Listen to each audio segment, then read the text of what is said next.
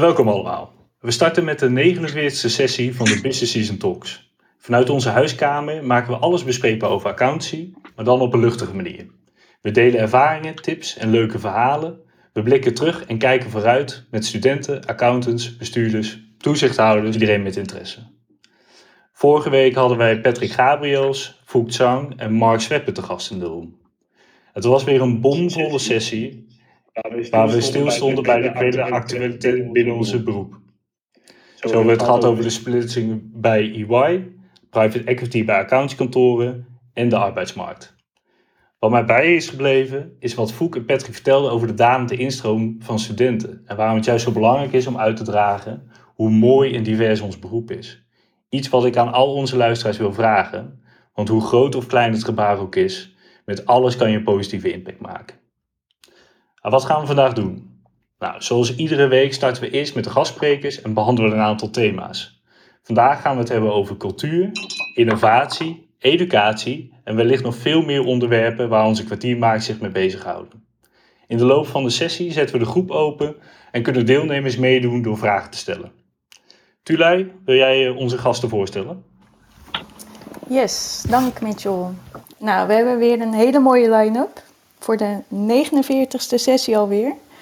Uh, nou ja, om te beginnen met Marlies de Vries. Marlies is een kwartiermaker van de toekomst accountancy sector, dat weten we inmiddels allemaal. Ook echt een powervrouw en sinds kort uh, partner bij het adviesbureau en Samhout.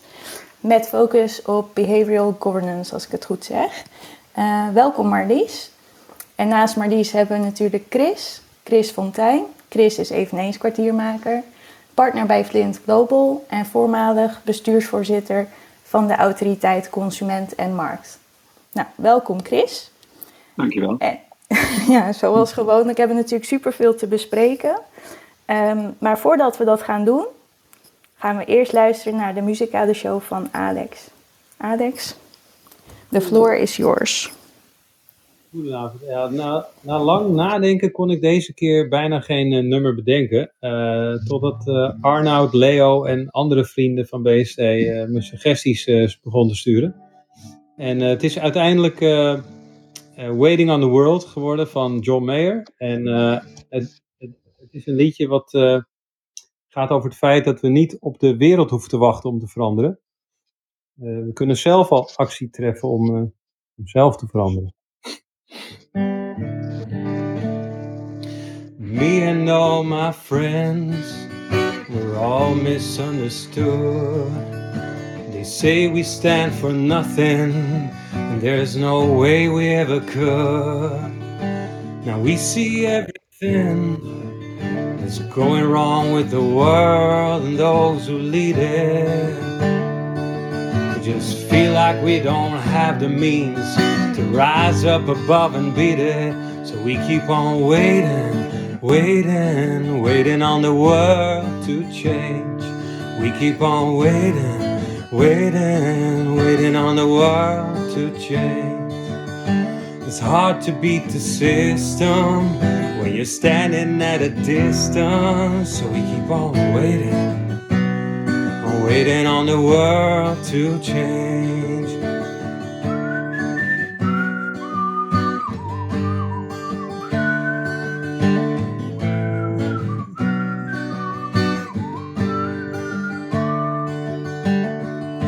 Elise and Chris are working, working hard to help the profession with research and with pilots, testing their assumptions. So we keep on waiting, oh, waiting on the world to change.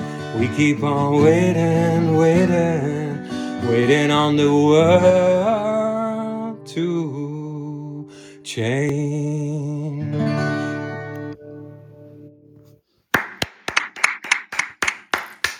Whoa, Alex. Top. Prachtig. Heel mooi. Mooi hoor. En uh, Alex, waarom dit nummer? Ja, ik, ik denk uh, als er zo hard wordt gewerkt door Marlies en Chris om ons uh, als professie vooruit te helpen, dan, ja, dan moedigt mij gewoon aan om zelf ook te kijken wat we zelf kunnen doen en hoe we, hoe we ja, Ik, ik, bedoel, ik, ik, ik, ga, ik denk echt, en ik wilde eerst nog Ain't No Sunshine spelen, maar ik denk dat dat is net misschien gedreven. Maar ik ga, ik ga jullie missen en uh, die mandaat eindigt natuurlijk, ik geloof, volgend jaar, als ik het niet. Ja, volgend jaar november. Ja, en, ja, ja, call me crazy, maar uh, ja, ik denk wel dat, uh, dat ik jullie ga missen. Je mag ons nog een jaar knuffelen hoor, Alex. Ja. Ik vind het wel een mooi thema, Alex, dat je altijd even inderdaad moet kijken wat je zelf kan doen en niet wat uh, iedereen en de hele wereld om je heen kan doen. Hè? Dat, uh, dat spreekt me wel aan, eerlijk gezegd. Ja, heel mooi, Alex. Uh, ja, dan gaan we reflecteren op de afgelopen week en de nieuwtjes. Uh, en dat kunnen we altijd het beste doen met uh, de hoofdredacteur van Account.nl en vriend van de show. Mark, jij bent inmiddels boven. Yes. Yes. Um, ja, eventjes. Uh, uh, ik pik er altijd drie dingen uit van de afgelopen week. Vorige week gingen we natuurlijk uitgebreid in op de actualiteiten van de afgelopen maanden, zeg maar. Maar dit eventjes uh, van wat kwam er in de afgelopen week langs. Nou, er waren toch wel weer drie boeiende thema's. Eerst iets over duurzaamheid. Um, een, een, onderzoek um, onder multinationals die onderkennen klimaatrisico's nog onvoldoende, blijkt uit hun verslaggeving. Van de 134 multinationals die verantwoordelijk zijn voor 80% van de uitstoot van broeikasgassen door bedrijven, meldt liefst 98% te weinig in hun verslaggeving over klimaatgerelateerde risico's. Nou, die onderzoekers hebben ook de rapporten van auditcommissies bekeken. Ook die maken bijna geen melding van klimaatrisico's, dus er is nog echt een enorme slag te winnen. Um, en in dat verband ook een ander bericht, uh, wat ik ook wel opvallend vond. Dat was uh, afkomstig van de jury van de Seidhoff-prijs van het Financiële Dagblad. Die zei dat de kwaliteit van de verslaggeving van grote ondernemingen terugloopt als het gaat om transparantie. De teksten in verslagen over duurzaamheid die lijken soms op een verplicht nummer. Kortom, volgens mij is de werkende winkel voor accountants en moeten ze tegelijk oppassen voor greenwashing, want de ronkende zinnen in al die jaarverslagen, daar ligt het meestal niet aan, zeg maar. Dus uh, dat ten aanzien van duurzaamheid. Dan een ander opvallend bericht dat goed gelezen werd, hoewel het uit maar zeggen, de buitenlandse bemoeienissen van kantoren komt. dat ging over tarieven. Maar Zaar trekt zich terug als controlerend accountant van British Steel. Het staalbedrijf gaat niet akkoord met een verzoek van de accountant voor een minimumtarief voor de controle over het boekjaar 2021. Nou, Mazaan vroeg dat aan British Steel. Die wilde een minim, minimumtarief voor de controle om een acceptabel niveau van controlekwaliteit te garanderen. Voor de audit over 2020 kreeg Mazar uh, 323.000 pond destijds betaald. Maar het was het eerste jaar waarin het staalbedrijf rapporteerde als onderdeel van een Chinese uh, firma, Jingye, ik hoop dat ik het goed zeg.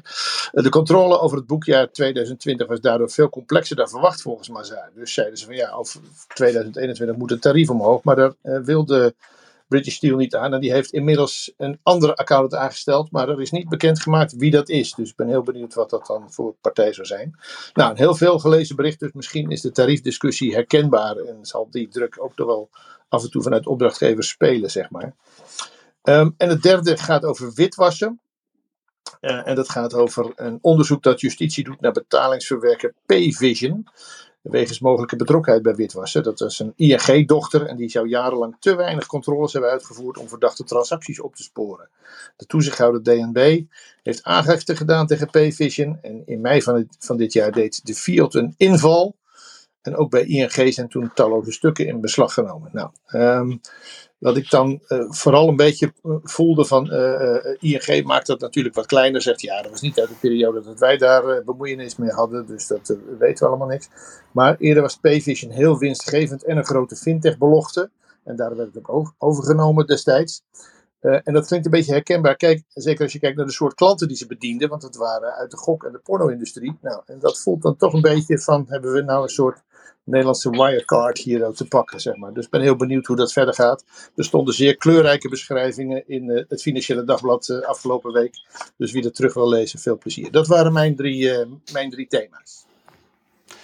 Ja, dat is, uh, bedankt uh, Mark. Dat is uh, inderdaad interessant. Want volgens mij was het ook een van de grootste overnames die ING dat jaar gedaan had van, van. Dat iets van 350 miljoen. Dus, precies, precies. Ik ben heel benieuwd.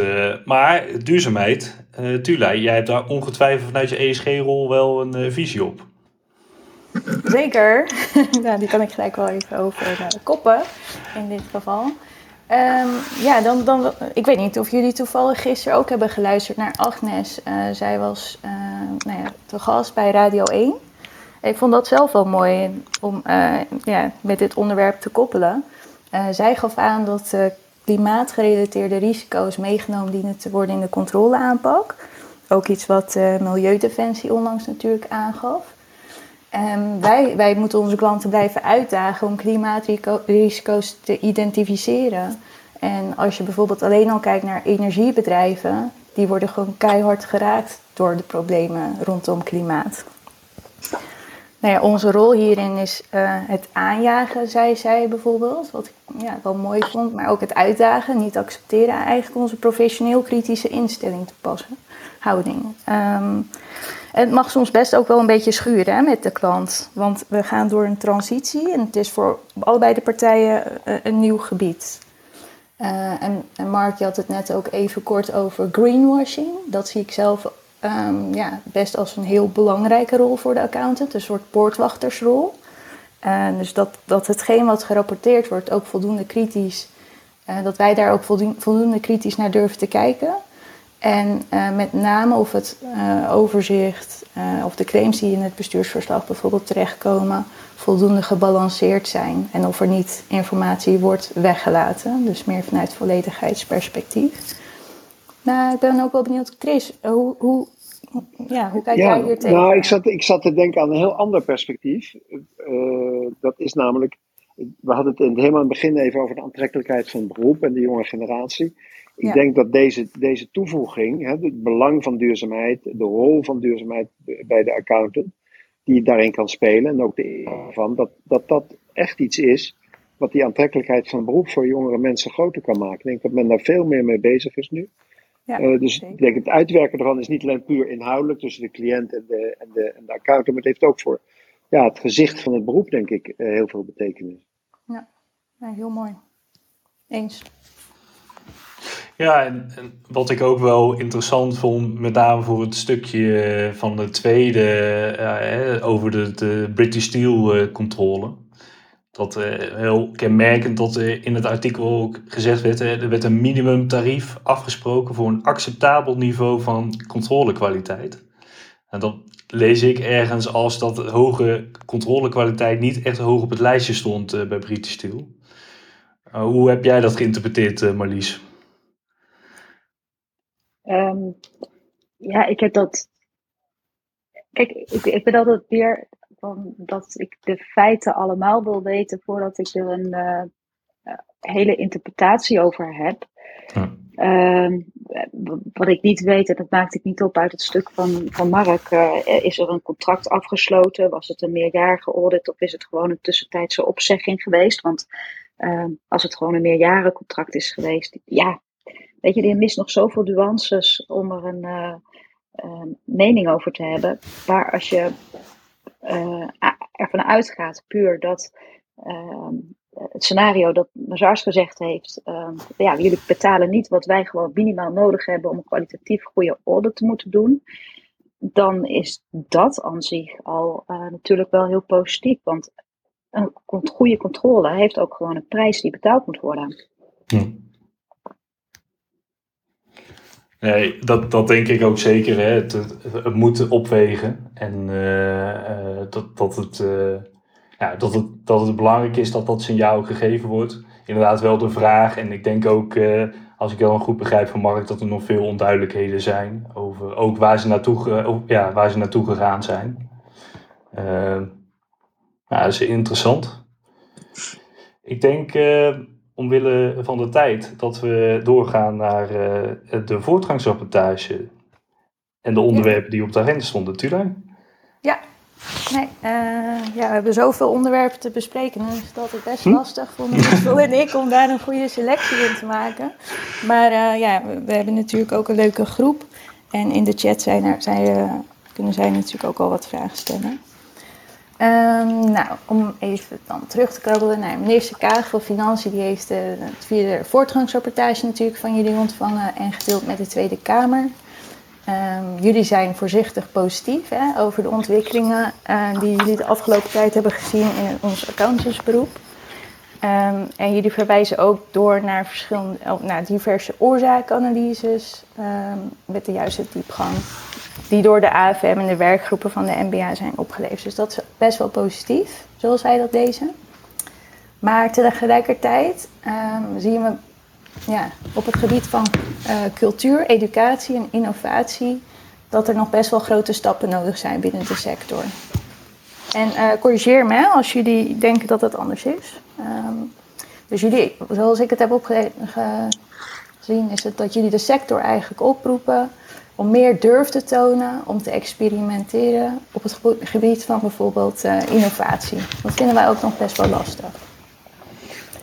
Nou ja, als onderdeel van de voorbereiding van deze sessie hebben we via LinkedIn een poll uitgezet. Uh, en daarbij eigenlijk ons netwerk gevraagd van welke onderwerpen zouden jullie uh, belangrijk vinden om vanavond te bespreken. Juist ook omdat we de sessie straks delen via Spotify. En daaruit kwam naar voren dat nou ja, cultuur, dat was eigenlijk veruit het belangrijkste onderwerp. En dat brengt mij dan naar een artikel wat ik vandaag las. Um, nou ja, vanmorgen las ik een, best mooi stuk in Accountables van Evelien Boelen van der Sman. En zij heeft onlangs de Brenda Westra Copinieprijs gewonnen, uh, uitgereikt door Nijenrode. En dat ging over tegenspraak. Tegenspraak op de werkvloer. Um, nou, er bestaat inmiddels uh, brede consensus over het nut en de noodzaak van constructieve tegenspraak in organisaties. Um, het vergroot het lerend vermogen van de organisatie, zorgt voor betrokken medewerkers en creëert draagvlak voor verandering. En de verandering die wij beogen te maken binnen onze sector. Um, nou, het helpt ook om biases als tunnelvisie en groepsdenken tegen te gaan. En zodat, zodat, we minder menselijke fouten kunnen maken. Um, dat soort dingen. Nou, uit onderzoek is gebleken dat het geven en ontvangen van constructieve, tegenspraak in de praktijk uh, nog geen sinecure is. Weliswaar vormen de tegenspraak uh, tegenwoordig in veel organisaties gemeengoed. Nou ja, bijvoorbeeld uh, gedragscodes, vaste tegenspraakmomenten, vertrouwenspersonen. Um, maar waarom is het nou eigenlijk zo moeilijk om elkaar binnen een hiërarchische organisatie de waarheid te zeggen? En jullie hebben best wel veel ja, organisaties gesproken. Het gaat, als het gaat om, om jonge professionals tot aan bestuurders. Hoe, hoe, waar denken jullie dat dit door komt? En dan wil ik die vraag heel graag aan Marlies stellen. Ja, dat is goed, Toelai. Ja. Um, nou ja, eigenlijk staat het al in jouw vraag. Ik denk in essentie dat het komt door de, uh, door, door de aanwezige hiërarchie die er is in de organisatie, die het moeilijk maakt om uh, je tegen je uh, leidinggevende uit te spreken. En die hiërarchie is door die upper cultuur gewoon heel sterk uh, aanwezig binnen accountantsorganisaties. En uh, nou ja, dat is dus een gedeelte wat in de, in, in de organisatie zit. En ik denk dat het ook een stuk is uh, van de persoonlijke opmaak van, van mensen. Dus ehm, nou ja, gewoon de, de, de, de, de opmaak zoals je als accountant bent. Ben je het van huis uit gewend om je mond open te doen? Of uh, vind je het fijn om uh, ja, gewoon te doen wat de grote groep doet? Dus, dus het is die combinatie van die twee dingen. Oké, okay, en, en zeg maar, want jullie hebben natuurlijk ook dat jullie uh, nee, de kantoren bezoeken. Merken jullie daarin verschil ook qua cultuur als het gaat om het ene bedrijf vergelijken met ander, een ander bedrijf bijvoorbeeld? Of wanneer je een gesprek hebt met ja, jong audit boards of jong profs van, uh, van de MBA? Of valt dat eigenlijk dan wel weer mee? Dus meer qua generatie. Uh... We, we, halen het meer uit um, uh, de gesprekken die we hebben met de verschillende um, groepen binnen van jonge professionals van verschillende kantoren. Mm -hmm. En ehm, het is bij het ene kantoor misschien meer aanwezig dan bij het andere kantoor. maar we halen het meer uit, uit de gesprekken die we hebben, dan dat we dat uit die werkbezoeken halen. Want weet je, in een werkbezoek van een dag of een halve dag kan je natuurlijk geen uitspraak doen over de cultuur. Nee, en, en je kunt ook niet alles observeren natuurlijk op, in dat nee. opzicht. Wat het ook alweer heel lastig maakt. Ja. Het is natuurlijk, denk ik, wel zo dat je als je in een organisatie zit, is de, ja, de default, zoals je dat noemt, als je niks doet, Mm-hmm. Dan praten mensen, gaan mensen hun bazen nadoen en dan gaan ze meepraten, dan gaan ze met de groupthink mee. Ik denk dat het absoluut essentieel is dat je het, het uitdagen van tegenspraak, het, het belonen van tegenspraak, wat ik in de advocatuur enorm heb meegekregen. Als je niet tegensprak, dan, dan klopte er iets niet. Je moest altijd durven die mond open te doen. En dat, dat, moet, dat is dus tegen, een beetje tegen de stroom in. En ik denk, als je dat, ik zie het steeds meer. Uh, want, maar als je dat niet als leiding aanmoedigt en, en in zekere zin beloont, ook al is het met hele kleine dingen, dan, uh, dan gebeurt het niet. Als je niks doet, heb je geen tegenspraak. Nee, daar ben ik inderdaad wel uh, geïnteresseerd in, Chris. Van hoe, op welke manier, hoe praktisch beloon je dat of faciliteer ja. je dat? natuurlijk met hele kleine dingen. Dat je gewoon, als je baas zegt, god, wat fantastisch dat je dat zegt. Wat, wat, blij, en, en er ook iets mee doet. Hè? Je kunt er tegenspreken wat je wil als je nooit er iets mee ziet, ziet, gebeuren. Ik denk, misschien is dat wel de meest bijzondere beloning. Als je als jongen, want vaak zijn dat, dan ben je dan wat jonger. Zegt, hé, hey, ze doen wat met mijn, met mijn denken en met mijn voorstel en wat die meer zijn. Ja, ik, Oh, sorry, uh, ga maar. Nee, nee, nee. Ik zit toch binnen de organisatie, maar het wordt misschien nog moeilijker. Je hebt natuurlijk ook tegenspraak jegens de cliënt. En dan, wordt, dan krijg je nog een soort andere hiërarchie uh, en, en, commerciële hiërarchie. Dus, uh, maar het is, het is gewoon moeilijk. En je moet er dus aan blijven werken. Ja, ja ik denk ook dat wel heel belangrijk is. Ook de hiërarchie die ik uh, Marlies hoor zeggen. Dat het heel belangrijk is om juist voorbeeldgedrag uh, met, met een stukje kwetsbaarheid. En, en ook inderdaad het stimuleren. Dat, dat hiërarchie wel belangrijk is op, op het moment dat er taken uitgevoerd moeten worden. Maar dat het verder gewoon belangrijk is dat iedereen hè, zich uitspreekt. Ongeacht of je nou de beginnende assistent bent of de partner op de opdracht. Ja. Ja. En ja, dat, dat, dat, dit is gewoon best een complex onderwerp, denk ik, wat we ja, waar we aan moeten blijven werken. Maar zou dat bijvoorbeeld uh, op een bepaalde manier aangemoedigd kunnen worden? Bijvoorbeeld uh, met soft controls of dat we een bepaalde cultuur kunnen creëren? Hoe, hebben jullie daar ideeën over? Nou, volgens mij kan... Hm? Je kan het natuurlijk op een heleboel verschillende uh, manieren doen. Maar het is vooral denk ik ook iets wat intrinsiek vanuit mensen gevoeld moet worden en gedaan moet worden. Dus aan degene die luisteren en denken: Goh, ik wil mijn mond open doen, doe het. Niet denken, maar doen. En uh, ja, het kan op kleine schaal. Als jij morgen met je team zit, uh, doe, een, een check-in. Uh, als je iets bespreekt met elkaar, haal die tegenspraak op. Ehm, vraag er kritisch naar volgens mij kan het in hele kleine stappen en hoeft het niet. Um, is het natuurlijk belangrijk dat je wel vanuit de organisatie iets doet, maar uiteindelijk moet het door mensen gedaan worden. Ja, ik geloof ook niet zo in het institutionele of allemaal procedures ervan maken. Ja. Ik, uh, ja, ik was al, als, bij de ACM was ik wel eens een beetje flauw. En dan vroeg ik in vergadering bijna altijd aan de, aan de jongst aanwezigen, als er uitgebreid is, en wat, wat vind jij? En dan, in het begin stamelde ze enorm. En op een gegeven moment wist men dat dat gewoon normaal was. Uh, dus je kunt ook gewoon met hele kleine trucjes kun je mensen mondiger maken. Ja. ja. Dus dat hangt, ja, dat, dat, uh, daarvoor, daar verg je eigenlijk uh, diverse soorten persoonlijkheden voor. Dat brengt ons op een ander soort aspect van cultuur, het diversiteitsonderdeel. en mooi om te lezen dat er een, dat er, ja, een convenant is getekend vanuit de NBA en dat heel veel accountskantoren zich daarbij hebben aangesloten. Vinden jullie dat ook een mooie ontwikkeling? Of uh, is dat maar. Nou, ik weet niet of die geüpdate is hoeveel accountantskantoren het hebben ondertekend. Maar ik heb erop doorgeklikt. Ik vond het toch best wel tegenvallen. Oh. Eerlijk ik gezegd. Ik dat Deloitte erbij stond, dus ik was eigenlijk ja, trots. ja, ja, ja, precies. Nou ja, ik, maar ik, ik heb hem even laten rusten, want ik zag het. En toen dacht ik, hmm, dat is niet zo heel erg veel als je kijkt hoeveel vergunninghouders er in Nederland zijn. Ja, daar um, dus, uh, dus dat. Dus dat, dat, dat heel veel vind ik nog meevallen.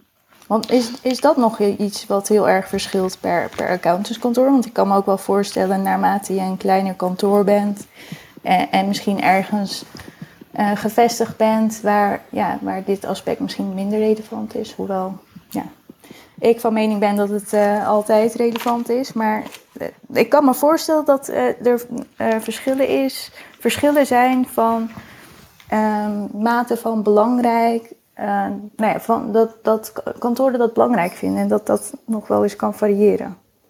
Snap je wat ik bedoel? Ja, ik vermoed dat in de, in de grote steden, en zo gewoon in een stad als Rotterdam, denk ik, als je ook als servicebedrijf, ja. denk ik dat je wilt ook een divers gezicht te hebben. Ik weet niet of het in kleine steden veel moeilijker om, om, om dat te doen, dat weet ik eigenlijk niet. Maar het lijkt me wel heel belangrijk, want het heeft natuurlijk ook weer te maken met de instroom van studenten. En zijn er voldoende uh, afgestudeerden met die achtergrond? En werft het, uh, werft het beroep voldoende uit die, uit die kringen? Ja. Want ze moeten er wel zijn. Ja, ja en ik, ik, ik was benieuwd, hè. Kijk, dit is de vierde voortgangsrapportage en, en cultuur is nou, ook denk ik een van de belangrijke dingen die vanuit de CTA zijn gekomen. Hebben jullie de, hebben jullie de sector zien veranderen in, in jullie tijd als kwartiermakers?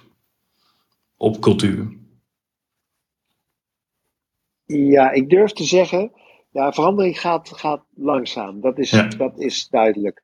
Maar ik word bijvoorbeeld wel blij als ik met de jongboard spreek, en met name met de jongere generatie. Dan zie ik toch meer mondigheid, meer goede wil, meer, meer ja, echt, echt stappen voorwaarts. En de, Ja. de leiding ook. En, en, en van, dat, van het begin hebben we gezegd is het tussenkader, die, maar die zit natuurlijk ook vaak met budgetten en, met- en met tijdsdrukken van daar, daar zit nog wel eens het probleem. Maar de, de toon at de top heb ik wel zien veranderen. Ja. Ja, maar ook wat we wel terugkrijgen van ervaringen. Ja, dat, ik heb echt de indruk dat het eh, nu makkelijker is om je uit te spreken. En eh, dat, dat dat ook zo ervaren wordt. Dus dat vind ik wel een positieve ontwikkeling. En, en, en wat maakt het dan makkelijker? Nu? Eh, Wat voor voorbeelden geven ze erbij? eh, want dat is inderdaad, denk ik, precies waarom je nu ook, ja, nu ook uitspreekt. en, en goed om te horen dat het ook vanuit de jonge generatie komt. Nou ja, als je gewoon echt iets ziet waarvan je denkt, nou, dit snap ik niet, ik vind dit niet, niet goed, of hoe wordt dit nu afgewikkeld, wat wordt hier nu gedaan? Ehm, en en dan, vraag, dan wordt er dus gewoon echt goed doorgevraagd. En ehm, tot, totdat mensen echt begrijpen waarom iets zo is. Ja, nee, eh, mooi. Kijk, het is altijd heel moeilijk. We spreken dan bijvoorbeeld de jongboards, hè, maar daar zitten natuurlijk vaak de meest enthousiaste, positieve mensen in, want die, die melden zich daarvoor. Ja. Dus de vraag is altijd of je het helemaal door kan kijken. Maar, maar toch denk ik dat Marlies en ik wel die indruk hebben hoor. Oh. Ja. Nou, dat, dat is mooi. eh, En ook goed dat jullie inderdaad ook met de jongboards hebben gezeten eh, als, als onderdeel van, de, van de gesprekken. Maar je moet natuurlijk niet, niet vergeten, kijk, cultuur is een ontzettend belangrijk onderwerp en ook wel de sleutel uiteindelijk voor een duurzaam beroep op langere termijn. Ehm, maar, er zijn ook een heleboel andere zaken die ook opgepakt moeten worden of die misschien onder cultuur kunnen vallen zelfs. Hè? Dus we, je stipte net het thema innovatie aan. Ehm, ja, op het moment dat dat gewoon nog te weinig wordt toegepast, te weinig wordt ontwikkeld, te weinig wordt geëxperimenteerd, wat dus ook een soort cultuurkwestie is, eh, prijs je jezelf op langere termijn straks uit de markt. En, eh, en, en dat kan het beroep zich gewoon niet veroorloven. Dus dat vraagt ook echt nog wel een verandering. Nou ja, dat, dat is inderdaad ook een van de, van de onderwerpen die we ook eh, voor vandaag hadden staan. Want innovatie en, en het gebruik van data-analyse of de meer innovatieve werken, dat is ook iets wat, wat denk ik in de laatste voortgangsrapportages wel terugkomt. Eh, ja, en ik hoor het je nu ook zeggen, en dat stond natuurlijk ook in de rapportage, dat dat nog nou ja, niet snel genoeg gaat, zeg maar. Hebben jullie het daar ook gesproken, zeg maar, in de ronde tafelgesprekken? En, wat zijn nou de redenen waarom eh, het nog niet volledig wordt toegepast? Uiteindelijk, ehm, bij een rondvraag, wat wij begrepen hebben van mensen die het wilden toepassen, dan zijn de top drie redenen, en dat is niet in volgorde van belangrijkheid, maar dat is eh, de, de tijdsdruk. Het kost gewoon onwijs veel tijd om de eerste keer eh, te gaan experimenteren. En dan is het nog onzeker of je er echt wat aan hebt voor je controle. Dus dat kan dan een tijdsdruk opleveren, terwijl de volgende klant alweer gepland staat. Uh, Ja. De budgetdruk kost, het kost geld. Ehm, En dat, uh, uh, ja, dat kan je maar één keer uitgeven of dat moet je willen investeren. En uh, uiteindelijk kan dan op boordniveau gezegd worden: we vinden het belangrijk en er is ruimte voor. maar het is uiteindelijk de beslissing van de partner in zijn of haar portefeuille die het dan gaat voelen in de realisatie. En daar moet gewoon ruimte voor gemaakt worden. En was het niet ook zo, Marlies? Sorry, ga je gang. Nee, gaan we door, Chris? Nee, maak zo het dat was in dat gesprek met de jongboards met name, dat ze zeiden, ja, als we het dan doen, dan wordt het toch nog op hetzelfde moment op de klassieke manier gedaan om het dossier maar compleet te hebben en zo. En daardoor kom je in, in allerlei budgetproblemen uh, terecht. Dus dat ja. men niet durft om al echt op te vertrouwen. Het, ja, het, het is geen alternatief, uh, zeg maar, ja. voor de klassieke. Ja. Nee. Nee, en dat, was inderdaad het derde punt wat ze dan, uh, volgens mij kwam dat daar ook uit voort. Dan gingen ze informeren bij bijvoorbeeld uh, uh, de quality assurance afdeling of bureau vaktechniek of het toegepast kan worden. En dan vinden ze het nog te onzeker of ze zijn bang dat de AFM het bij een review niet goed zou keuren. dus dan is het advies, ja het mag, maar je moet het dan wel dubbel doen. Ja, ja dat, is, uh, dat is inderdaad interessant. En ik denk ook wel met name hè, dat er ruimte gemaakt moet worden. Hè, want het, het, het wordt hè, ook in de, in, met de nieuwe uitdaging die we op de krapte op de arbeidsmarkt, is het, zou het een uitkomst kunnen zijn. Maar het is in het begin ook wel investeren. Ja. En ik geloof ook wel dat misschien bij de grotere kantoren dat makkelijker gaat dan bij de, de MKB-kantoren. Uh, nu weet ik ook dat het natuurlijk vanuit de MBA uh, AccountTech natuurlijk ook uh, dat stimuleert. ja, is er, hebben jullie ook gesproken met de, de MKB-kantoren hoe zij het kunnen toepassen en kunnen experimenteren met, met de data-analyse tools? Ja, ik geloof dat de SRA, je moet je me even helpen, Marlies, de SRA heeft het ermee over gehad. Die, die zei dat ze er erg mee bezig waren, maar ik heb even geen concrete Klopt. voorbeelden. Nee, en we hebben natuurlijk met de, die werkgroep van AccountTech ook gesproken. Um, alleen als je dan kijkt wat dan de plannen zijn, um, ja, dan, dan is het uitgangspunt, uh, er moet eerst een uh, goede aanpak liggen, zodat we zeker weten dat het goed genoeg is en dat het kan en dat we geen problemen krijgen met kwaliteit achteraf als er reviews komen. Ja. Uh, ja, en voordat dan uitgedacht is en uitgewerkt, ja, dat is te laat, joh. Dat me, uh, dus dus, dus er moet gewoon nu, as we speak, op de opdrachten ermee gewerkt worden. Je kan er in de interim mee werken, je kan straks in je final periodes ermee werken. Uh, maar het moet nu wel gebeuren. Ja. En, en, terugpakkend ook op het stukje cultuur en, en de jonge generatie accounts, als ik met hen in gesprek ben, of, uh, of dat nou intern of extern is, of de studenten voor de klas, dan is dit ook wel echt een onderwerp die, die zij heel interessant vinden. Uh, ja. En de ruimte om de autonomie te pakken, om echt impact te maken in die audit. Is het dan toch de managerlaag of de ja, senior managerlaag? Want net hadden we uh, nou ja, de toon net de top. Bij, als het gaat om cultuurverandering, die, die zien we al. Of die, dat kunnen jullie waarnemen. Onderin hebben jullie met de Jong Audit Board en jonge collega's dat ook al waargenomen. Is het dan toch de tussenlaag? Waar jullie denken dat het dit uh, ja, blijft hangen? Of, ja, daar lijkt het wel eens op. Ja. ja? Zonder harde uitspraak hoor, maar nee, nee. ook. Ja. Nou, ik denk dat Mitchell het beste die vraag kan beantwoorden. ja, ik, ben volgens, ik, ben, ik ben volgens mij onderdeel van die tussenlaag. Ja, ik kan ja, het ja, ja. ja, dat is natuurlijk altijd zo, ja. ja de nee. Ik wil dat niet zo noemen, Marlies, maar goed. Nee, nee. nee maar... Ja.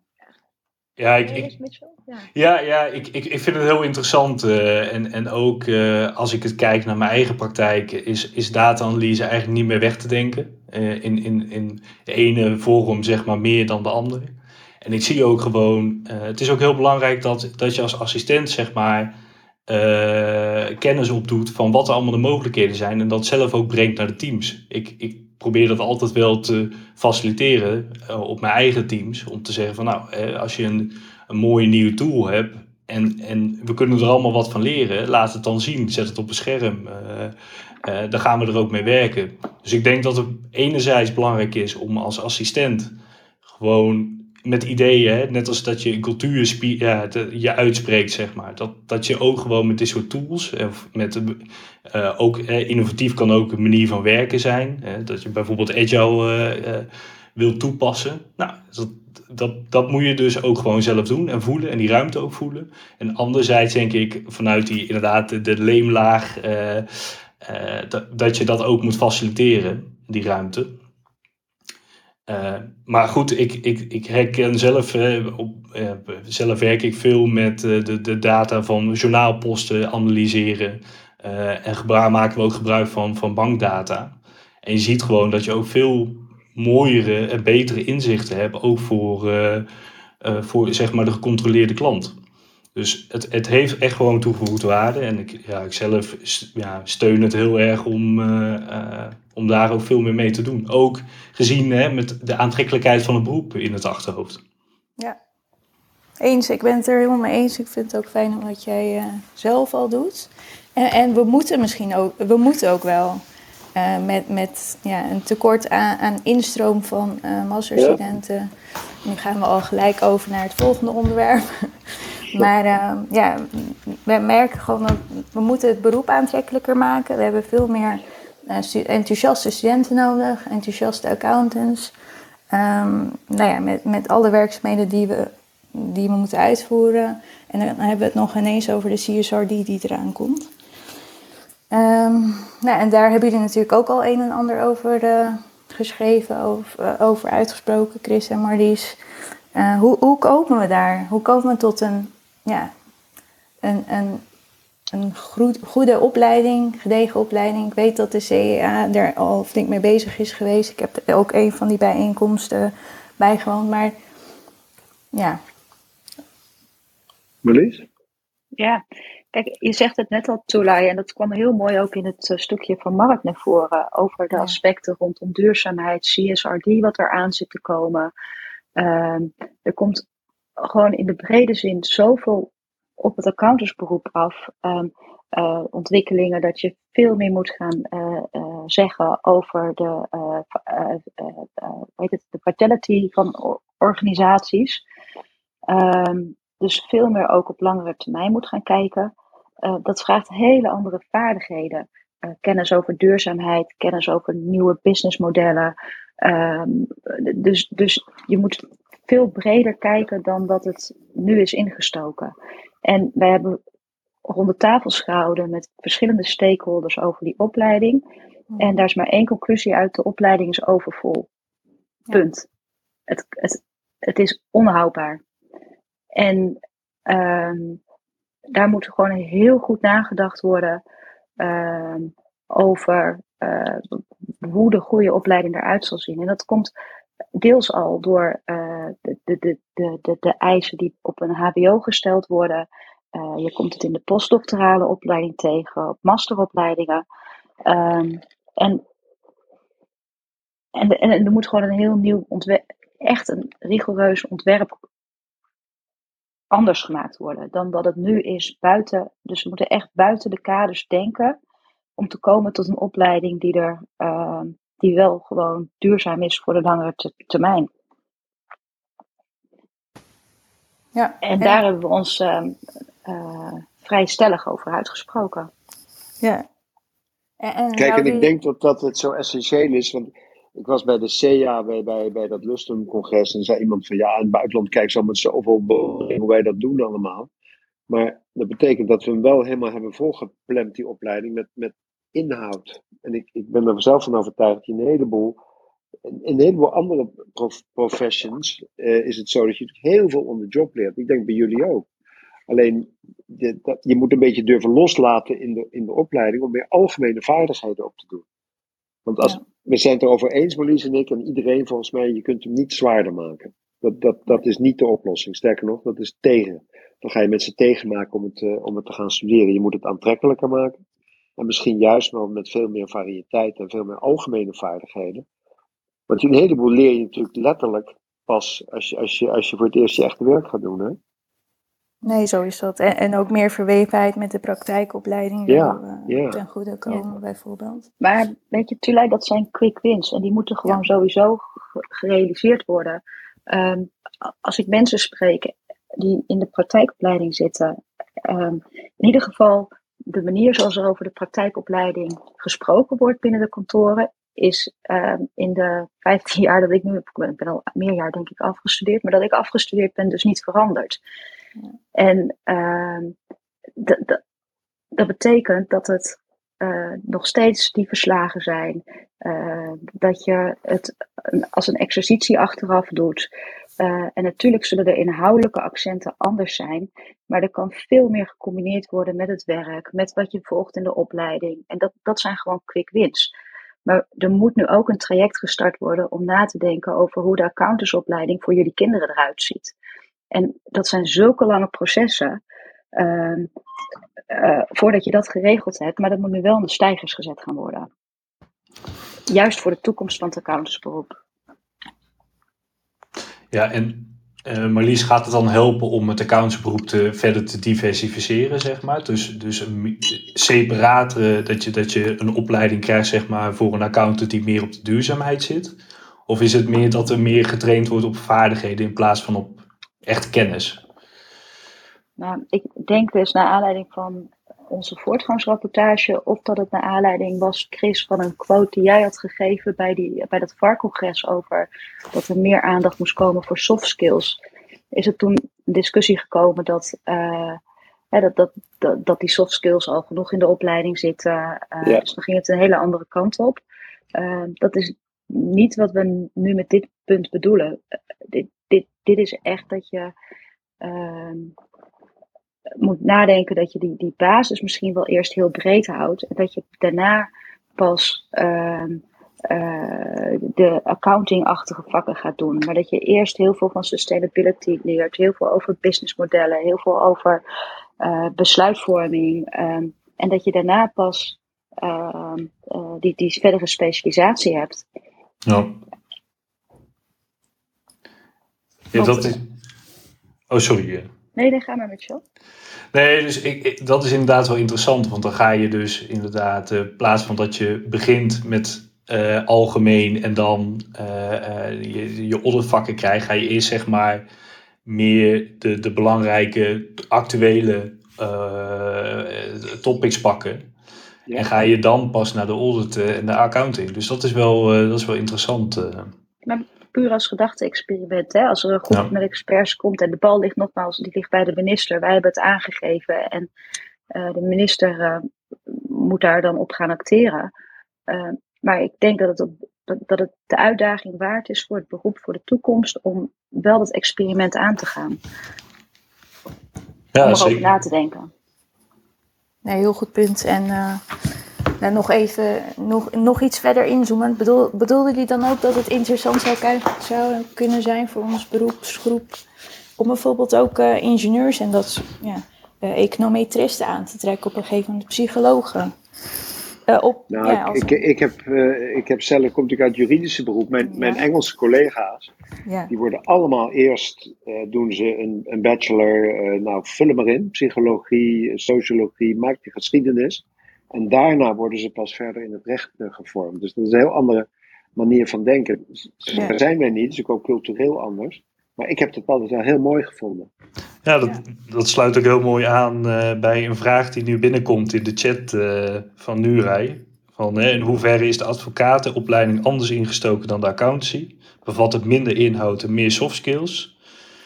Just Curious in verband met artikel in het FD, die stelde dat jongprofs in beide beroepen niet tot partner willen doorgroeien.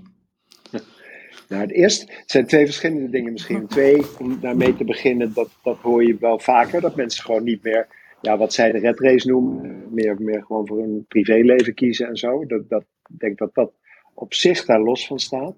Het, het eerste, als ik naar mijn eigen op, ik, ik ben heel algemeen opge, opgeleid op de universiteit. En ik heb eigenlijk alle techniek van het recht en het procederen heb ik echt in de praktijk op het kantoor waar ik werkte geleerd. En dat is mij ontzettend goed bevallen. Dus dat ik algemene vaardigheden heb geleerd. En ja. uh, pas de, de, de, ja, de, preciezere in de, in de praktijk. Ik, ik denk nu dat die beroepsopleiding die is veel zwaarder geworden dan, uh, dan in mijn tijd. Daar is heel veel aandacht voor gedrag en voor, voor ja, de, de, de softere skills daarvan. Ja, zeker. Ja, ja, ja. En nog eens het tweede, dat, dat, dat durf ik niet te zeggen eigenlijk. Nee. Is het handig, Mitchell, dat we ondertussen de groep opengooien? Ja, ja zeker. Uh, nou, ik nodig iedereen uit. Als ze vragen hebben, steek je hand op. Dan kunnen wij je dit naar uh, boven halen. En dan stel ik graag nog één korte vraag. Want um, ik was zelf ook nog wel benieuwd naar. Um, er, er, was volgens mij een pilot over de, nee, met intermediairs.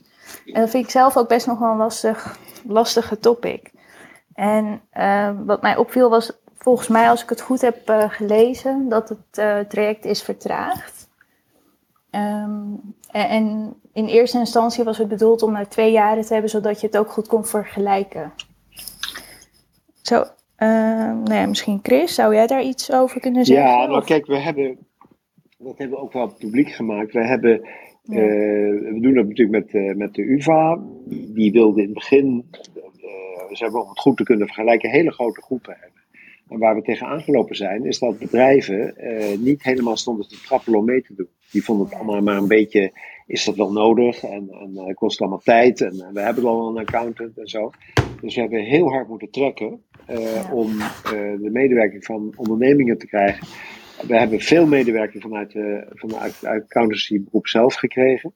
En daardoor, en daar hebben we ook we hebben bepaalde, we hebben het wat ruimer aangepakt, wat meer groepen bij elkaar gedaan en zo. Dus we hebben best wel lang gestruggeld om het, om het onderzoek van start te kunnen laten gaan. Dat, en dat is dus nu onder leiding van Jan Bouwens uh, loopt dat. En dat gaat ook goed nu. Maar het heeft best wel eventjes uh, een hoop tijd en energie gekost om het van, van start te kunnen laten gaan. Ja. Hm. En als ik het goed begreep, dat incentive was, of het doel is in ieder geval om de financiële prikkel daarbij weg te laten, toch? Kijk, de suggestie is, de, de, ooit mm -hmm. heeft de AFM een hele, heel, heel, boek gemaakt over wat zou je allemaal kunnen doen om ja. de onafhankelijkheid beter neer te zetten. Nou ja, dat kan uh, joint audit, dat kan uh, audit only zijn. En een van die is ook de intermediair genoemd. Ja. Om, om dus te zorgen dat er ja, tussen de klant en de accountant, waarvan men dus zou kunnen denken dat is soms te close en dat is moeilijk voor de onafhankelijkheid, dat daar een instituut of een persoon tussen gezet zou worden. He, dus dit zou, de vraag is dus, gaat dat werken en helpt dat om, uh, om, die, om die plek in te vullen? Ja. En daar wordt mee geëxperimenteerd, ja, live, echt, in het echt. Huh.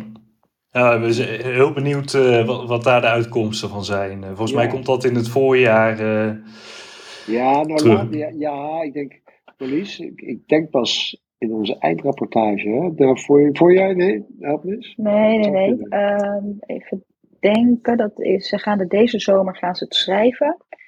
En na de zomer is de deadline dat de UvA het onderzoek moet opleveren. En dus, dus zal het in onze eindrapportage pas ja, komen. Ja, precies. Dus niet ah, voor eigenlijk, ja, eigenlijk is het experiment ook de reden dat we um, dus erin of deze periode zitten. Omdat dat uh, gewoon echt live gedraaid moest worden met jaarrekeningcontroles. Ja. Ja, nee, dat is uh, logisch. Ik heb ondertussen uh, uh, appjes van Alex dat hij hier nog een vraag heeft. en ik, het ga... Alex? Alex? Nee, nee. Oh, want ik hoorde net ook dat er iets met de audio was. Oh, hij staat nog op music. Is het nu beter?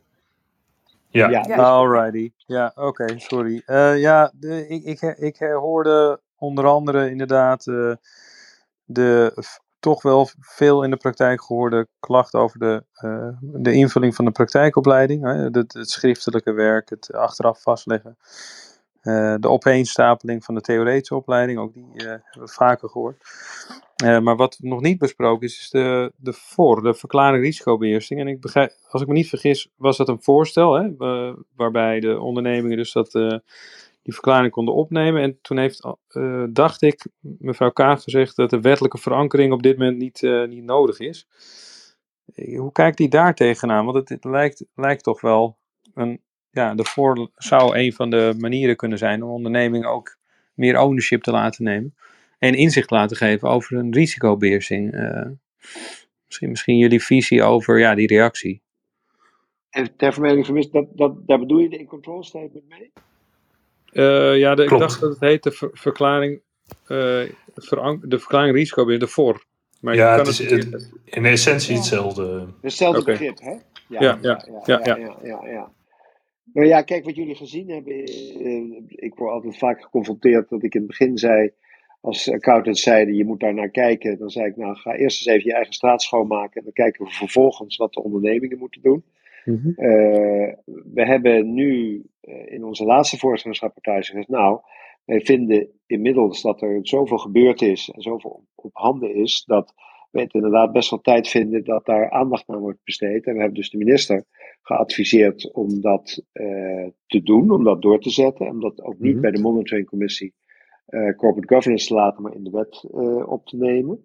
Dus dat advies wat er is best wel controversieel, want, want ondernemingen hebben daar dan weer geen zin in. En, en die, nou ja, om allerlei, om allerlei redenen. Maar we hebben wel nu, nou, omdat, maar dat is echt omdat we vinden dat er binnen, binnen het auditberoep echt het nodige gebeurt. Hebben we gezegd, nou, we vinden het wel tijd om daar nu ook aandacht voor te vragen.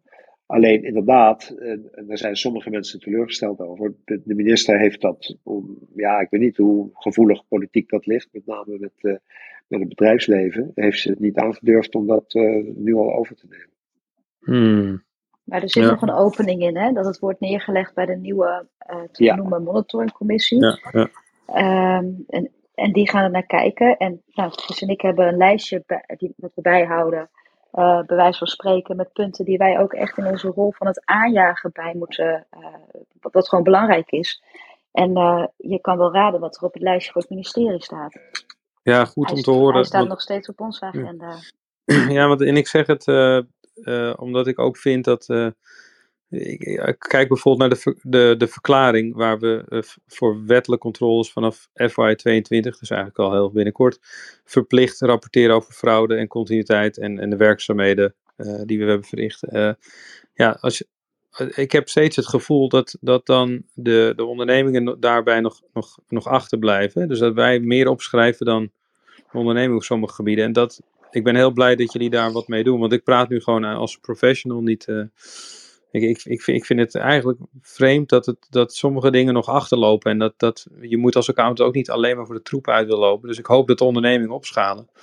Ja. Uh, ja. dat toch weer niet helemaal bij jouw liedje, Alex?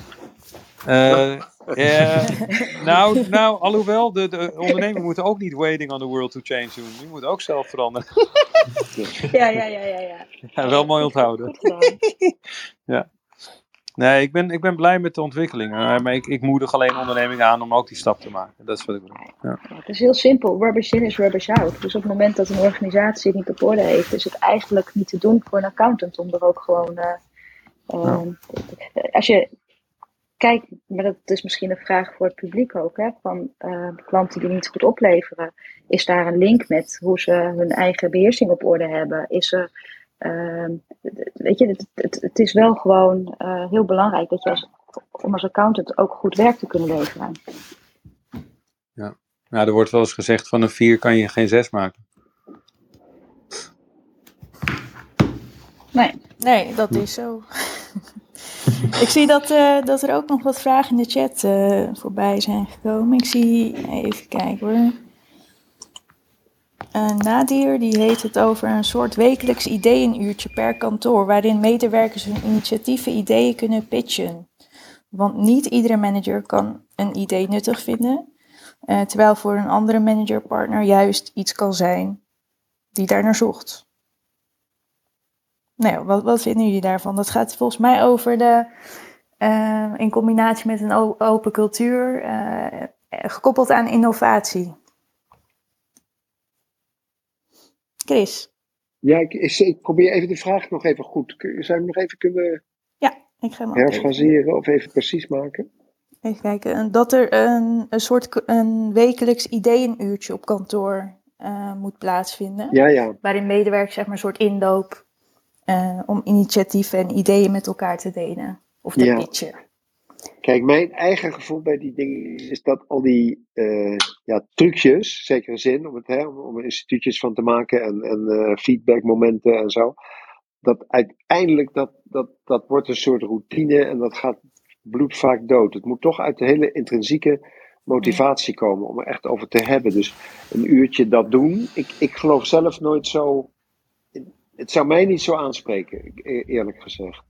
Nee. Uh, je kunt er tegenover stellen dat je ergens moet beginnen. Hè? Je moet iets ja. aanzwengelen. Maar ik, ik geloof niet zo heel erg dat dat, dat, dat soort dingen werken. Nee, niet Ik als je geloof het veel persoonlijke gesprekken en het uitleggen dat het belangrijk is. En het ja, echt, echt intrinsiek maken. Meer dan Ja. formeel. Ja, en, en volgens mij was het nu niet zozeer dat het een vast clubje was die eh, verplicht wekelijks eh, eh, een innovatieve mm, uurtje had of zo, maar meer eh, een soort ja, kamer waarin je dan waar je naartoe kan gaan als je een leuk idee hebt, dus meer vrijblijvend. En dan, dus dan is het minder verplicht, zoals, zoals je aangaf. Ja. Ik voel daar wel wat voor, maar Nou ja, weet je, je zou ook eh, ik, ik ben dus niet zo van, van dat soort aanpak. Maar je kunt ook zeggen, Nee. nou, verandering moet wel ergens beginnen. En dan Ja. kun je ook zeggen, nou, en dan op een gegeven moment houden we mee op. En dan hopelijk, als het, als het een beetje gemeen goed is geworden. Hè? ja, en dan Ja. wordt het eh, intrinsiek. Dan is iedereen Ja, zo gemotiveerd ja, dat het ja. eh, meer anders is. Oké. Ja, en inderdaad, over gemeen goed eh, worden. eh, hè, ik, jullie noemden net al in het begin van ons gesprek eh, dat, dat jullie opdracht loopt tot november. En als we nou doorspoelen in de tijd en we zitten volgend jaar november, hoe willen jullie terugkijken over jullie periode als kwartiermakers? Nou, Marlies eerst. Ja, ik denk dat ik die vraag nog niet wil beantwoorden, omdat ik merk dat er nu steeds vaker gezegd wordt, ja, jullie zijn er nog maar een jaar en straks is het niet meer. Weet je hoe lang een jaar duurt? ja. Dus er, kan, er moet nog zoveel gebeuren. Nou, Dus Ja. ga gewoon aan de slag, ga de dingen doen. En eh, we komen heel graag volgend jaar november terug om dan met jullie terug te blikken eh, en, en allemaal andere dingen te doen. ja. Ehm, en, en, en, en ja, weet je, idealiter is het plaatje eh, dat, dat we niet meer nodig zijn. Toch, Chris? Ja, dat is, ik ben het helemaal met je eens. Op een, van een heel ander perspectief weet ik wel dat ik. Voor mij komt natuurlijk helemaal niet uit het beroep al een enorme reis is geweest om dit allemaal mee te maken. En ook om de veranderingen te zien. Ik vind het wel een hele, niet alleen eervol, maar een hele bijzondere opdracht. Dus ik, ik, ik, natuurlijk gaan we over, na een jaar gaan we terugkijken wat er allemaal gebeurd is. Eh, en dat zal helemaal niet af zijn. Maar ik, ik denk wel dat het een hele essentiële periode is geweest. ja, zeker. Eh, en om, om die vraag dan een beetje anders te stellen van Mitchell, want ja, net als eh, hij ben ik daar natuurlijk ook super in geïnteresseerd. En toen jullie net begonnen met deze opdracht, wat is dan, wat is zeg maar de, een soort ultieme stip aan de horizon? Of welk gevoel hadden jullie bij van, nou ja, als we klaar zijn, dan, eh, en laten we het anders noemen. eh, het voelt voldaan als we dit en dit en dit hebben bereikt. Of, Nou, ik denk dat het, dat het respect en vertrouwen ja. eh, in en, en, en jegens het beroep behoorlijk eh, opgeschud is, in negatieve zin. De afgelopen, zeg maar, de periode die tot onze benoeming heeft geleid voor een heel essentieel beroep. Ja. Ik denk als er, als er rust is, ik zou Ja. bijna zeggen een zekere saaiheid. eh, als de incidenten, als, ja, als, als, als, als, yeah. als de FD een beetje, hè, als het allemaal eh, de, de rellen eraf zijn en het echt weer als een mooi, aantrekkelijk, eervol beroep wordt gezien, eh, dan zou ik dat heel mooi vinden. Ja, dat, dat is inderdaad. eh, ik denk dat we daar allemaal wel naar streven. Dat Ja. het iets saaier mag worden. Ja. Maar wel aantrekkelijk. Wel aantrekkelijk, dat gaat niet, voor mijn gevoel gaat hetzelfde samen, maar dat is weer anders. Ja, nee, en dat er meer inzicht is gekomen in eh, hele weerbarstige discussies die altijd de kop opsteken op het moment dat er een incident is. Want die incidenten zullen echt nog wel blijven. Dat kan je natuurlijk nooit uitsluiten. Eh, maar dan, dat werd er altijd heel snel geroepen. We moeten naar audit only, we moeten naar een Ja. joint audit, we moeten naar weet ik het welk model. En er is nu, ehm, doen we daar echt op een hele goede manier onderzoek naar. En hopen we dat we daarin ook eh, discussies kunnen beslechten. Dat door daarnaar te kunnen verwijzen van ja, we hebben binnen het huidige model of niet. Hè, het is maar wat de uitkomsten zijn. Eh, maar dat je daar ook echt wel stappen in gezet hebt. Dat is wel een terecht compliment, denk ik, eh, als ik dat mag zeggen. eh, want, want voor die werk. Want Zeker. die pilots, ik bedoel, tot nu toe werd het alleen gezegd, inderdaad. Maar niemand ging uitzoeken of het ook, ja, wat er dan gebeurt als je het doet. Ik ben, ik ben groot fan van, ja, natuurlijk, eh, de- ja, het concept pilots, omdat je daarmee iets test. Zonder dat het zo eh, groot wordt dat het niet te doen eh, blijkt. Dus ik, ik, ik denk dat jullie daar wel een nieuwe, de, de accountantsprofessie ja, hebben laten zien dat je ook dingen wel degelijk kan uitproberen. Dus daarvoor dank. Ja, zeker weten. Ja, helemaal mee eens. En ik uh, ga zeker op, uh, op, op de uitnodiging in om volgend jaar uh, nog terug te blikken in november. dus die zetten we alvast in de agenda.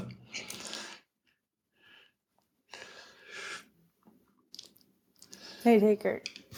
ik was nog even in de chat aan het kijken of daar nog een vraag werd gesteld. En er was een lang berichtje van Margreet, maar dat was inderdaad geen vraag. Um, Zetten jullie de chat ook nog open zoals eerder, of is dat niet meer? Dat, nu, nu moet ik dus opbiechten dat ik al een tijd niet meer geweest ben. Maar... Hoe bedoel je, Marlies? Dat was toch eerder dat je dan, als iemand een vraag had, dat je dan ja. dat mensen oppopten. Ja, en, en, sinds kort hebben we dus een soort chat.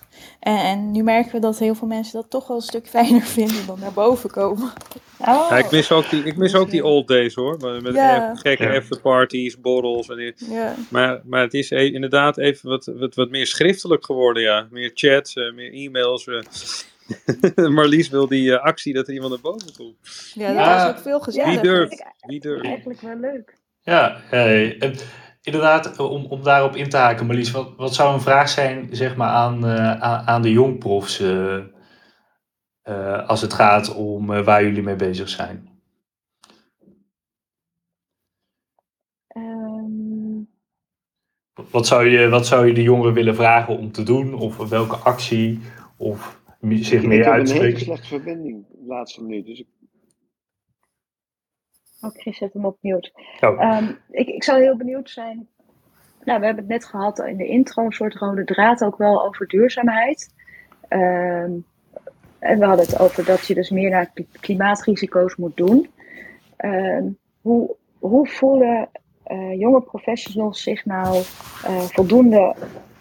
Hebben ze voldoende, heb je voldoende kennis om dit te kunnen doen? Dus dat Ja. je, je weet veel van auditen, je weet hoe je risicoanalyses moet doen, de, de techniek. Maar heb je de kennis om, om een inschatting te maken over klimaatrisico's? Of dat te kunnen beoordelen? Mooie vraag. En ik Ja. zie dat ondertussen Noerai in de chat eh naar boven is gekomen. Ik weet niet of zij die vraag ook wil beantwoorden of dat zij een mooie vraag heeft. Noerai, hoor je ons? Jazeker. Ik voelde me even aangesproken als jong prof, dus ik dacht ik kon naar boven. Ja, hartstikke goed. Ehm, om maar even in te gaan op de vraag van Marlies. Ik heb eh, vandaag toevallig, eh, nou ja, laat ik het zo zeggen. Het antwoord is nee, denk ik. Ehm, het blijft een lastig onderwerp, vooral voor jongprofs. En nou, als ik het vanuit mezelf moet be- benaderen, die vraag ook bij mij speelt nog steeds de vraag van, goh, in hoeverre ben ik nou überhaupt bekwaam om zo meteen wat, eh, nou, de werkzaamheden te doen die ik zou moeten doen en die ook goed uit te kunnen voeren. Ik heb vanochtend bijvoorbeeld, eh, of gisteren, een, eh, nou ja, we hebben vanuit mijn werkgever is er dan eh, een controleplan, eh, een stukje ESG-tekst, zeg maar, voor een controleplan voor een bepaalde sector geschreven. eh, die wij dan ook nou ja, wat specifiek zouden moeten maken en dan zouden kunnen delen met auditcommittees en directies. En nou ja, dat was in het Engels en dat, nou ja, dat gaat dan naar de sector, dat wordt gedeeld en dan is het aan de teams om dat dan specifiek te maken. Maar dan blijft nog steeds de vraag van ja, wat, waar zijn we nu überhaupt mee bezig? Het is nog allemaal nieuw. Voor klanten is het uitvogelen, dus voor ons is het sowieso al uitvogelen. En de enige eh, nou ja, eh, informatie die je hebt, dat blijft dan voor mij dan bij dat stukje teksten wat we hebben. Dat refereert naar een aantal eh, regels. En dan de, zelf de regelgeving, dat, nou, waar dan ook een mooie samenvatting van beschikbaar is, waar je allemaal op zou moeten letten. En dan nog de richtlijnen die vanuit die regelgeving weer als voorbeeld zijn aangegeven. En meer dan dat heb je nu op dit moment niet. Misschien nog een paar voorbeelden vanuit de praktijk die dan ook nog meegedeeld worden. Maar hoe dat echt straks gaat uitwerken en hoe de klant het überhaupt gaat uitwerken, dat blijft nog een discussiepunt, zeg maar, die ook met de klant, nou ja, nadat de klant zelf he- heeft uitgevogeld, zou moeten eh, bespreken. En dat stukje, dat is nog eh, een black box, want we hebben het nog niet meegemaakt. Daar kunnen de jongprofs eh wel aardig moeite mee hebben. Maar goed, het zijn niet alleen de jongprofs, maar ook de profs. Dus het is gewoon, omdat het iets nieuws is, moeten we het met z'n allen uitvogelen, denk ik. Maar dat jong professionals daar moeite mee hebben, daar, kan, daar sta ik wel achter, ja. Ik word er wel een beetje stil van, Nurai. Want ik dank je Ja. wel voor je mooie antwoord. En, En eigenlijk denk ik dat je de techniek wel goed met elkaar kan, kan uitvogelen hè, als team. Ehm, maar het punt wat Mark net ook aansneed over greenwashing, wat op de loer ligt, um, het laat zich wel raden waar straks de volgende schandalen voor het beroep vandaan kunnen komen. En, en dat is eigenlijk een stukje achtergrond vanuit die CTA-tijd, waar we, dat is de commissie waar ik in heb gezeten voordat ik kwartiermaker werd. Daar hebben wij toen als commissie vrij veel kritiek op gekregen. Want dat was omdat wij het standpunt hadden ingenomen. En dat is eh, achterhaald, zoveel jaar terug, dus voordat nog de CSRD zou komen.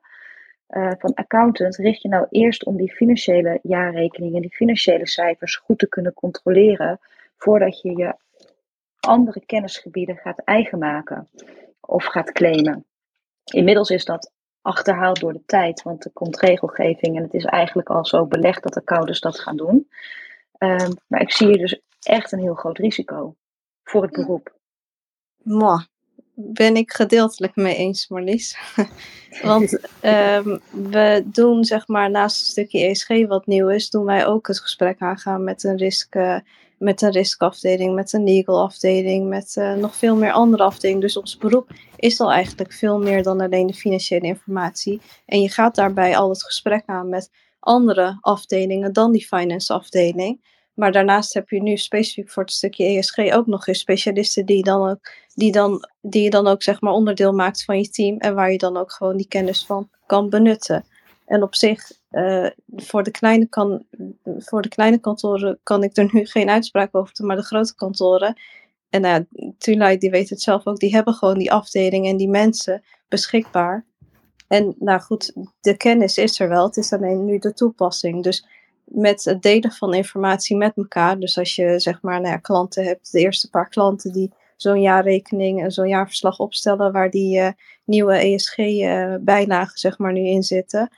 Die, die kunnen gewoon breed gedeeld worden, dat kan gediscussieerd worden. En juist daarmee kan je dat risico zeg maar ook verkleinen. Door gewoon intern dat gesprek aan te gaan. Maar nu op dit moment, omdat het zo nieuw is, is het gewoon zo enorm lastig om je daar nu uit te vechten. En vooral omdat het ook gewoon gro groter wordt gemaakt, lijkt het wel. Het is een ja. heel groot topic, maar het lijkt net alsof het zo'n drama is wat op je afkomt. Terwijl als je naar die regels kijkt, nou ja, goed, het is allemaal nieuw en we moeten het allemaal uitzoeken. Maar zo erg kan het toch niet zijn. nee. Nou, nee, je noemt wel een belangrijk iets, hè, dat, dat ja. je natuurlijk specialisten uh, moet hebben bij, onze opdracht gaat natuurlijk over de hele sector en niet uh, elk kantoor beschikt over specialisten om hier naar te kunnen kijken of om de kennis daarin te kunnen delen. Dus dat, dat, dat is best nogal wat. En wat ik jou ook hoor zeggen is van ja, uh, het komt er ook allemaal wel weer bij. Nee, eens. En, en ik het is al heel erg druk. Een, uh, ja, ik heb een kleine toevoeging hier aan. Want op dit moment, um, nee, vanuit Marlies blik gaat het natuurlijk om, om de wettelijke controle. En de CSRD is nu nog niet van toepassing, Norai. Dus ESG wat je nu ziet, dat is bijvoorbeeld EU taxonomy zonder het heel vaktechnisch te maken. En de EU NFRD. Maar dat wordt straks in 2024 wordt het pas relevant en, en bij wet geregeld voor beursgenoteerde bedrijven, grote pies. En het jaar daarna voor grote organisaties.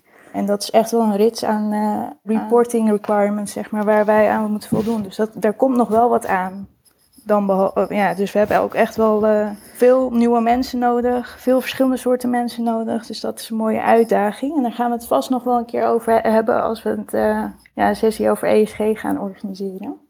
Hm? Uh, ja. Ja, even kijken. Want Mitchell, jij gaat hem.